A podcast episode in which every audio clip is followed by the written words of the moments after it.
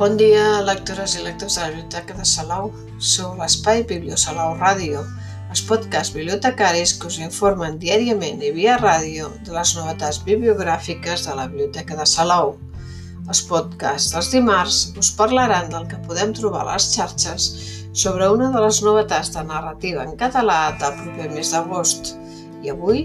27 de juliol, us presentem la novel·la Una vila a Florència, de William Somerset Maugham, traduïda en català per Julià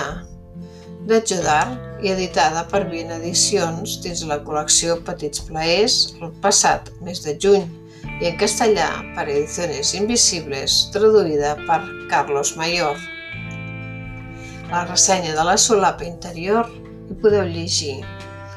des del balcó de l'espectacular vila florentina on passa les vacances, la jove i bonica vídua Mary Panton fa balanç de la seva situació.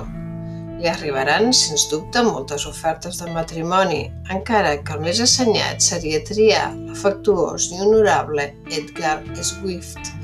destinat a un càrrec de responsabilitat a l'ambaixada de l'Índia. Però mentre espera que ella es decideixi a fer el pas, un gir imprevist amenaça d'engegar-ho tot a rodar. Un simple acte de compassió, del tot irreflexiu, la deixa en una situació sumament comprometedora que posa en perill tots els seus plans. Així doncs, la novel·la ens trasllada als anys 30, a la, Floren a la Florència d'entreguerres, amb la Itàlia feixista de Benito Mussolini i l'Europa immersa en el nazisme. El context de l'inici de la història és l'ambient elegant, burgès i aristocràtic dels anglesos que viatjaven a la Toscana, com la protagonista d'aquesta història, la vídua Mary Panton, una jove anglesa malenconiosa i recent vídua d'un matrimoni que accepta la invitació d'una parella amiga perquè s'instal·li per una temporada a la vila que ells posseixen en un turó de la ciutat de Florència, assistida per servents, amb jardins i terrassa amb vista sobre la ciutat. Aquest inici de la novel·la s'hi descriu el millor de Florència, una imatge de bellesa, harmonia, romanticisme i un delicat erotisme. Aquest inici de la novel·la, la seva estada a la vila florentina transcorre sense gaires esdeveniments, en soledat, reclosa la vila, excepte pels compromisos socials, festes, sopars i gales luxurioses, i per les visites d'Edgar Swift, un diplomàtic de renom, amic del seu pare, 25 anys més gran que ella, amb diners i posició social, que li demanarà matrimoni abans de marxar de viatge, convençut que a la tornada la seva petició serà acceptada. La nit de la seva marxa,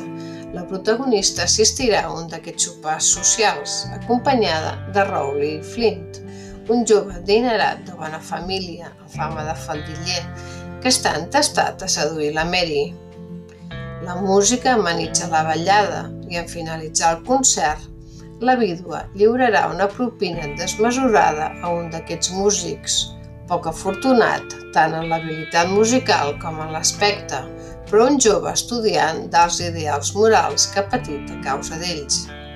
Aquest gest, que commourà el jove, serà el desencadenant d'una sèrie de fets que posaran la Mary enmig d'un triangle dramàtic, passional i impredictible que canviarà per sempre el destí d'aquesta ingènua i inexperta protagonista, provocant el xoc entre dos mons contraposats, el món de dalt, burgès i autosatisfet, i el de baix, empobrit i miserable. De la nit al dia, doncs, la paradisíaca casa de Florència, la mansió damunt, començarà una accelerada caiguda per esdevenir un infern i amb un gir argumental sorprenent i vertiginós que canvia el pols narratiu de la novel·la, situa el lector enmig d'una trama inquietant amb escenes recreades amb realisme i intensitat, sense arribar a ser vulgars, que porta tensió i intriga a la novel·la. El ritme es capgira i la serenor i la contemplació romàntica inicials es precipiten de manera dramàtica, refrenable i desbocada cap a la fatalitat. Es tracta, doncs, d'una novel·la que passa del rosa bucòlic al suspens negre en només una nit, literalment. Els personatges són descrits en profunditat psicològica, sobretot els femenins, interessants i suggerents, que exploren els desitjos més secrets i políticament incorrectes de la naturalesa femenina, que l'autor comprèn i accepta.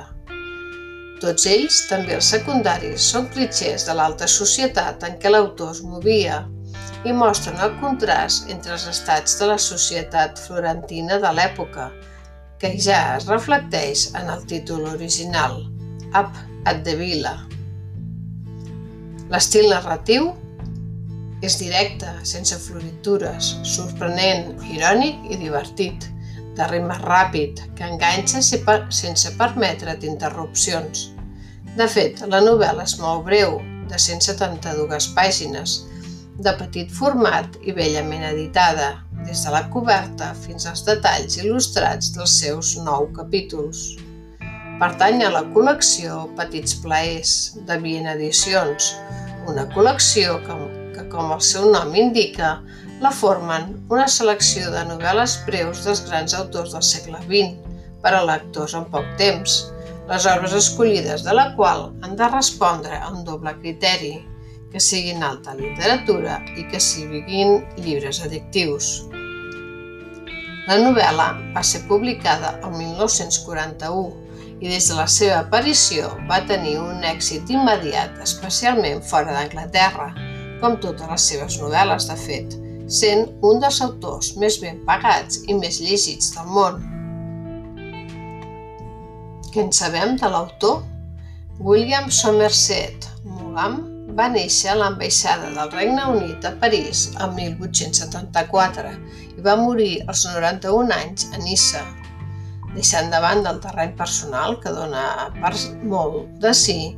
en el terreny professional podem subratllar que encara que va estudiar Medicina, molt aviat va abandonar aquesta professió per dedicar-se de ple a la literatura, ja que l'èxit que va experimentar entre el públic li va arribar des de la publicació de la seva primera novel·la, Lisa of Lambeth, de 1897. No va tenir el mateix reconeixement per part d'alguns crítics que l'acusaven de no estar a l'altura d'altres escriptors contemporanis com D.H. Lawrence, T.S. Eliot o Virginia Woolf. Malgrat això, les seves novel·les eren molt llegides i les seves obres de teatre es representaven a un i altre costat de l'Atlàntic sense interrupció. Els seus constants viatges per tot el món, de vegades exercint com a espia per al govern britànic, li van donar l'oportunitat de conèixer altres cultures i documentar-se àmpliament per les seves novel·les, moltes d'elles testimoni de, les, de la desintegració del colonialisme del final de l'imperi britànic. Va explorar diferents camps de la literatura i fins i tot va col·laborar amb el món del cinema, que va sol·licitar els seus serveis com a guionista i li va donar l'oportunitat de viatjar als Estats Units, principalment a Hollywood, on va passar la major part de la Segona Guerra Mundial treballant en l'adaptació de moltes de les seves obres, immortalitzades per estrelles de Hollywood de la talla de Bette Davis, Greta Garbo i Tirana Power, amb gran èxit popular i econòmic. Després d'un període a Anglaterra, va tornar a França per instal·lar-se a Nissa, on va començar el seu declivi literari i personal, possiblement per una demència.